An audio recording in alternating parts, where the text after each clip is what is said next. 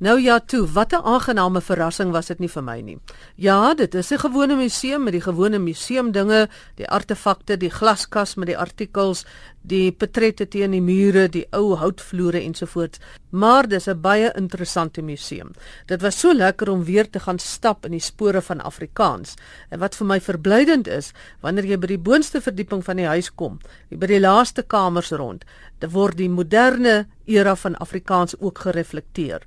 Ek dink as jy naby die Parel is, maak gerus 'n draai by die museum. Maar ek het daar gekom voor die deur, baie laag moes buk op die stoepie om by die deurknop by te kom en in die voorportaal het ek toe vir Chantel de Kok ontmoet. Sy is die kurator en sy is die een wat vir my deur die huis begelei het. Ons het toe sommer daar in die voorportaal begin praat. In 1971 het die Afrikaanse Taalkomitee geld ingesamel om hierdie huis aan te koop. Dit was in privaat besit. Nadat Malherbe dood is in 1921, het dit verskeie ander eienaars gehad. Toe het die die die taalkomitee dit gekoop en dit is gerestoreer daarna. Ehm um, inderwaar dit deur Gawie Feigen 1973 en die persoon wat dit ingerig het as 'n huismuseum was professor Kotse, 'n professor in geskiedenis by Stellenbosch Universiteit. So jy kan sien hier verskeie foto's hierso en tekeninge van hoe dit gelyk het in Malherbe se tyd, rofweg teen 1875 toe die Genootskap van Regte Afrikaners hier in hierdie huis gestig is en ook in 1972 hoe dit gelyk het voor restaurasie. Toe was dit soos 'n Lucie huis met tientalle klein kamertjies en 'n veranda voor. So ja, wat veranderinge is aangebring. Ek kan sien dit was Westfalen genoem op daai stadium en die hele fasade en dit ook intern en ekstern is is nou verander gerestoreer. So ons is nou hier by hierdie deur. staan ons nou net so onder die buitetrap wat na die boonste verdieping geloop het. As ek kan beskryf net aan die regterkant van die gebou, ehm staan ons nou waar ons ingegaan het en uh, dis baie verblydend om te sien dat terwyl ons hier gesels hier ook besoekers is wat hier na toe kom. Ons het heelwat besoekers. Ons kry omtrent 8000 skoolkinders per jaar hier deur. En ook nou is dit die tyd dat toeriste, veral Britse en en Duitse toeriste ons besoek. Ehm um, en hulle vind dit heel leuk soos die Hollanders vir ons sê. En toe het ek en Chantal deur die huis begin loop en eers by die vertoonkas in die voorportaal stil gestaan. En hierdie kassie stel items uit wat behoort aan uh, hooggehoud aan uh, SC de Tooi en ook van aan die Malherbes. Dit was in die parfuumbotteltjies hier bo en ook 'n vlugsoutbotteltjie. Die vrouens het vreeslike stywe korsette gedra en dan het hulle flou geval en dan moes hulle met die vlugsout behandel dat hulle weer kan bykom. En dan hierdie is 'n poeierdoosie van papier maché en dan visitekaartjies. Jy kon nie sommer net by die dame van die huis kom aanklop nie. Jy moes 'n visitekaartjie gee op 'n skinkbord vir die bediende dit dan geneem vir die dame van die huis en sy het besluit of sy at home is of nie, soos dit genoem het daai tyd. En daai is 'n verjaardagboekie en 'n klein skulpbeursie. Nou hierdie klein verjaardagboekie het ek in my besit ook. Kom uit my familie uit. Ja, so daai is net so Victoriaanse tipe van verjaardagboekie. En die tweede rak is goed wat behoort dit aan SJ de Toon ook aan van die Malherbe, soos daai drinkbeker en 'n lepel. Ehm um, Nouveau glas items, dis 'n blompotjie en 'n papierstaander en ook hierdie kierie, glaskierie wat aan SJ de Toon behoort het. Onderste rak is van Hoogenoud se uh, uh, versameling uh, items, 'n verkyker en kan weet 'n uh, uh, kandelare en dan ook uh, wynkraffie en sherry glasies. Ons het nog so 'n wyle in die voorportaal vertoef want daar was 'n gedenkplaat teen die muur wat saamgeval het met die verklaring tot nasionale gedenkwaardigheid van hierdie huis in 1973. Die huis is omstreeks in 1860 gebou deur die gesiene boer en sakeman Gideon Joshua Malherbe. Um, hy het dit tot sy dood bewoon en hy was een van die stigterslede van die Genootskap van Regte Afrikaners wat op 14 Augustus 1875 in hierdie huis gestig is uh mens kan sê dit was die eerste taalbeweging.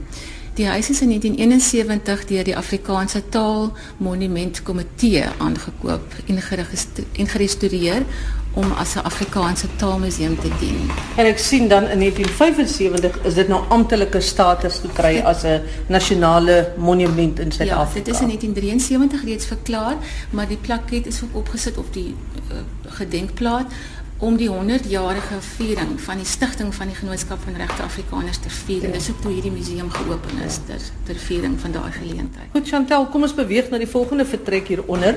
Soos ek sê, dit is net vir die luisteraars sê dit is tipiese huis waar jy inkom, 'n lang gang en dan links en regs uit hierdie gang uit gaan die verskillende vertrekke. In heel agter loop jy reg in die kombuisie vas. Dit is baie tipies van huise in daardie tyd gewees. Ons gaan nou uit die voorportaal uit en ons gaan nou links indraai in een van die vertrekke. En dit is 'n vertrek met 'n groot venster wat uitkyk na buitentoe. Ja, ons noem dit De Wildplein. Ehm um, dit is vernoem na De Villiers die waarmaker wat net 'n entjie af hier in Pastorie Laan sy waarmakery bedryf het. Ehm um, so dit is te wel klein waarop ons uitkyk en dit is maar min of meer hoe dit sou gelyk het ook in Gideon Malherbe se tyd buite nou vir die Teestrate want daar aan die ander kant net oor die pad is Gymnasium Laerskool wat wat gestig is deur van der Lingen en ook na die ou pastorie agter die Toringkerk wat ehm um, wat ook in daai tyd daar was en en almal het 'n verband daarmee gehad of kennis gedra. Wat wat was Gideon Malherbe se wêreld. Ja. En dan gesels ek nou sommer ek terwyl ek nou hier is, hierdie vertrek is nou deesdae die ontvangsvertrek. En hier's twee mense. Kom ek hoor gewie is julle? Hallo, ek is Michelle Visagi. Ek is die adminassistent en ek doen ook die ontvangs hier by die museum. Kan jy vir my ietsie sê van die tipe besoekers wat hier kom? Is dit tipiese toeriste? Is dit moeilike mense? Is dit ou mense, jong mense? Meestal is volwasse mense um, in hulle middeljare, baie ouer mense ook, maar ons kry meestal oorseese toeriste en ons het nog nooit regtig moeilike mense hier gehad nie. Baie vriendelike mense en hulle is almal mal oor Parel en oor die museum en ek sal hulle altyd verwys na die monumento. Dit geniet hulle ook baie en sommige sal terugkom en dankie sê dat ek vir hulle verwys het daarheen. So ja, baie vriendelike mense wat die museum kom besoek. Nou jy's nou van 'n baie jonger generasie. Jy weet nou van baie van die goed in die museum nie, want jy was nog nie gebore nie. Het jy nou al intussen um, alles deurgegaan in die museum? Is dit vir jou interessant? Wat is jou opinie? Wat dink jy van die taal se geskiedenis? Hier is baie interessante goedjies hier in die museum. Ek self was nou so 3 maande hier, so ek het nog nie regtig in diepte gegaan met aan al die inligtingstukke wat hier beskikbaar is nie. Maar ons het 'n baie uh, interessante pamflet hier waar op deur ek maar so nou en dan gaan en as mense of besoekers nou uh, vra het en ek kan hulle nie antwoord nie, sal ons altyd vir Chantel nader wat dan vir hulle die nodige inligting sal gee. En hier staan er nog iemand by ontvangs. Kom ons hoor wat is jou naam? ek is Kylie Naudie. Um, ek is die skoonmaker. Ik is ook maar hier om die taalmuseum schoon en netjies te hou. Besoekers as hulle kom, laat kan sien die plek is in stand, is netjies, toilette skoon, alles is skoon en tot sover het niemand nog uh, gecomplain dat hulle enige iets fout vind die so en ek geniet my werk. Nou is museum met baie ou goederes en sommige van die goed moet 'n mens maar baie versigtig hanteer veral met die afstof en die skoonmaak. Moes jy spesifieke opleiding kry daarvoor? Waaraan mag jy afstof en wat kan jy afstof met die stofsuier en wat mag jy nie met die stofsuier nie? Ek uh, is nou al vir 'n jaar uh, by die Taalmuseum en um, ek kom nou al van die Taalmonument af. So ehm um, as ek weet wat waar ek moet polish moet gebruik of waar ek moet afstof dan sal ek gaan na Santiago toe en Santiago sal vir my sê wat ek moet gebruik en wat ek nie moet gebruik nie. Maar tot sover gaan ek maar aan ek stof maar net af en dit is altyd se meubels en hulle kry baie spesiale polish. Wat is die spesiale politiek? die die polish die ehm um, die nie spoeg nie. ons moet die polisie bestel. Ons moet die tipe polisie moet ons bestel. Nou wat is dan so anders? Er kan 'n mens dit nie maar by enige supermark hier om die hoek gaan koop nie. Nee, omdat dit uh, dit is oudtydse meubels en daardie spesifieke polisie is net vir die oudtydse Jy mag byvoorbeeld die- met 'n vere stop vir die ou meubels af afstof nie want die penne van die vere krap die meubels. So jy vat 'n baie sagte lappie wat nie lint vorm nie met ander woorde dit kan vashou kan veneer of so iets nie. En sy, en sy is baie goed, sy ken al daai goeders. Ja, dis goed wat 'n mens nou nie altyd weet nie en aan dink nie as mense in die museum is. Hier is dan in 'n pragtige vertrek, breë gange en nog breër kusyne. Want hier gaan jy sien is is muurpapier wat vir sommige mense afgryslik lyk, maar baie tipies van die Victoriaanse periode was. Ehm um, toe die huis gerestoreer is, het hulle oorblyfsels van hierdie papier onder lae en lae verf gekry en dit het net herdruk. So jy sien dit reg deur hierdie museumgedeelte van van die huis. En dan is daar die lekker waan. Ja, wat dit is wat redelike lyk vir my modern is wat so dit hierso. Die lekker waan. Ehm um, Gideon Malherbe en Essie de Tooy het 'n jagekspedisie onderneem in 1892 na die Zimbabwe ruïnes. En die lekker waan is toe nou geskiet en saamgebring huis toe. Hy's opgestop en toe nou bo die deur vasgemaak. Maar hy het later met allerlei goggas aangetrek en toe die kinders dit verbrand, maar dit was nou maar 'n ander lekker waan gekry en hy as verwysing hier opgesit. So dit is die lekker waan se storie. En dan is hier ook 'n portret en 'n foto van S.J. de Tooy. Ja, en hierdie vertrek hier links is tipies soos by 'n museum waar jy seker paaltjies met kettinge is. Wat sê hierdie vertrek word beskerm deur elektroniese syne. Moet asseblief nie verby die versperrings beweeg nie, maar saam met jou mag ek maar. Dis voorkamer. 'n Rosa tafel en stoele en 'n rusbank. Dit is oorspronklike Malherbe stukke wat aan die familie behoort het en wat hier was. Dan ook van die ornamente op die klavier en ook die wat ons noem 'n cranberry glas olielamp het ook behoort aan die Malherbes. En op die tafel gaan jy sien is gedek vir tee. Hierso is 'n silwer teepot en 'n uh, vrugtemandjie. Hier is ook 'n skinkbordjie waarop jy kon gaan en 'n kaartjie, as iemand vir jou kon kuier, het hulle 'n kaartjie gegee en dan kon jy sê, "Goed, kom maar binne, ek is tuis, kom drink by my tee" en dan nou ek sien nou hierso tee gehad het. Hierdie is 'n baie mooi klavier wat in 'n geweldige goeie toestand is. Kan hy nog speel? So hy kan speel. Kan kan jy sing? Of dan sal ons. Ek sal die sing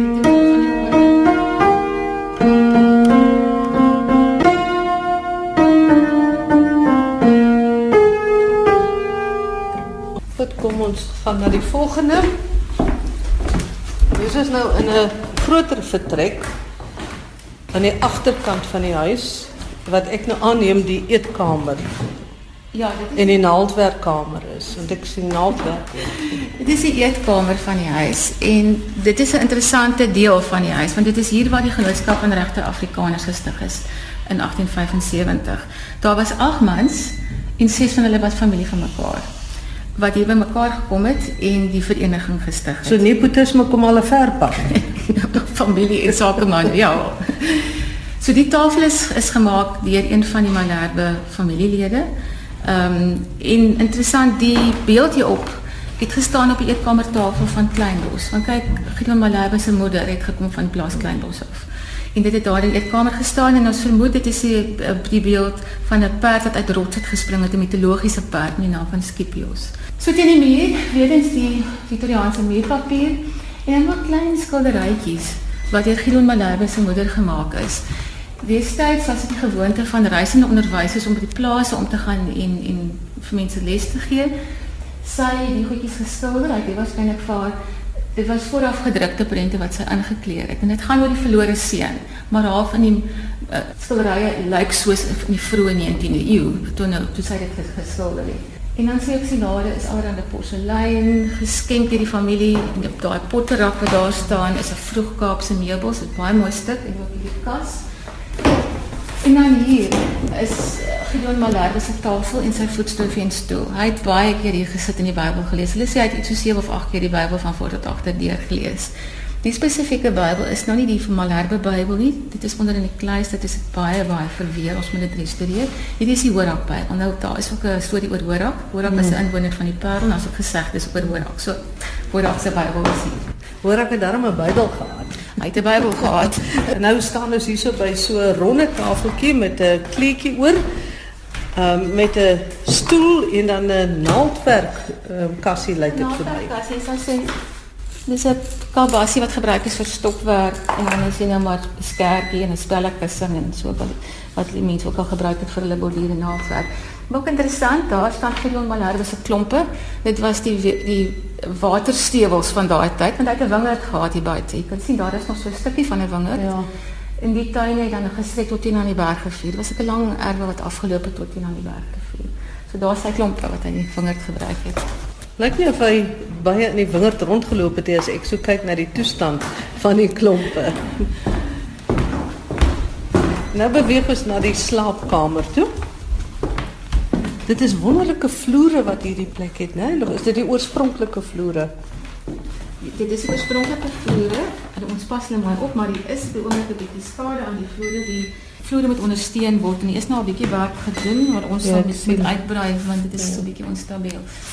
Die kamer is die slaapkamer van Giel Malherbe. Die beddegoed, die linne is alles gemaak deur en gebruik deur die Malherbe vrouens en ook hierdie pragtige lappies kombers is moontlik deur sy moeder gemaak. En dan is daar die Malherbe dooprok en doopkappies. Jy weet hy eh, hy was twee keer getroud. Sy eerste vrou was Dominee van der Lingen se dogter Nancy. Hulle het 6 kinders gehad. En sy tweede vrou was 'n Evert. Hulle het 10 kinders gehad. So hulle is almal in hierdie huis gebore, in hierdie huis dood. Hy het ook hier gesterf in 1921 en ook drie van die jong kinders. So 16 kinders in totaal in hierdie huis. Is hy nie ook 'n van der Lingenplein? Van der Lingen, uh, ja, hy is. In in, in die Parel nie. Dit is nie ver van hierdie Wat nou seker vernoem is na hierdie van der Lingen. Dit is nou die van der Lingen, ja, die, die dominee van der Lingen. Wat 'n kontroversiële figuur was natuurlik ook in die kerk. En ehm um, was 'n vreeslike baie man. Omstrede persoon. en dan kom ons by die kinderkamer. En dit is eintlik een van ons wow artefakte. Dis hierdie drukpers. As jy gaan kyk na die uitstalling self hier, die eerste drukpers van die Genootskap van Regte Afrikaners het vir 'n jaar lank in hierdie vertrek gestaan. Die Afrikaanse Patriot en ander voorpublikasies van die GRE is op hierdie drukpers gedruk. En jy gaan sien dit bestaan uit verskillende dele. Dis so met die drukwerk gedoen het, dit was se oudste seun. En hierdie stoel was oom Lokomotief se stoel, want hy is, is oom Lokomotief genoem omdat hy so pyp gerook het. Hier staan 'n voorbeeld van die vroeë Afrikaanse patriot hier teen ons muur. En jy kan sien die menslike toestand is nog altyd met ons as jy na die temas kyk. Ons het steeds assuransie. aanbye, daar's nog steeds skape wat gedink moet word. Daar's 'n rematiek. Daar's 'n publieke verkoping. Daar's immigranten, boere, En 'n wegbelasting ook En 'n wegbelasting. Dis altyd met ons. dis 'n privaat logies logies huis. So ja, niks verander nie. Daar was 'n groot behoefte aan Afrikaanse boeke, maar ook om die Bybel in Afrikaans te vertaal. En met die tyd sou dit nou gebeur dat daar Afrikaanse taal en spelreëls ontwikkel. Die eerste Afrikaanse Bybel wat vertaal is het in 1933 in die land aangekom die besending.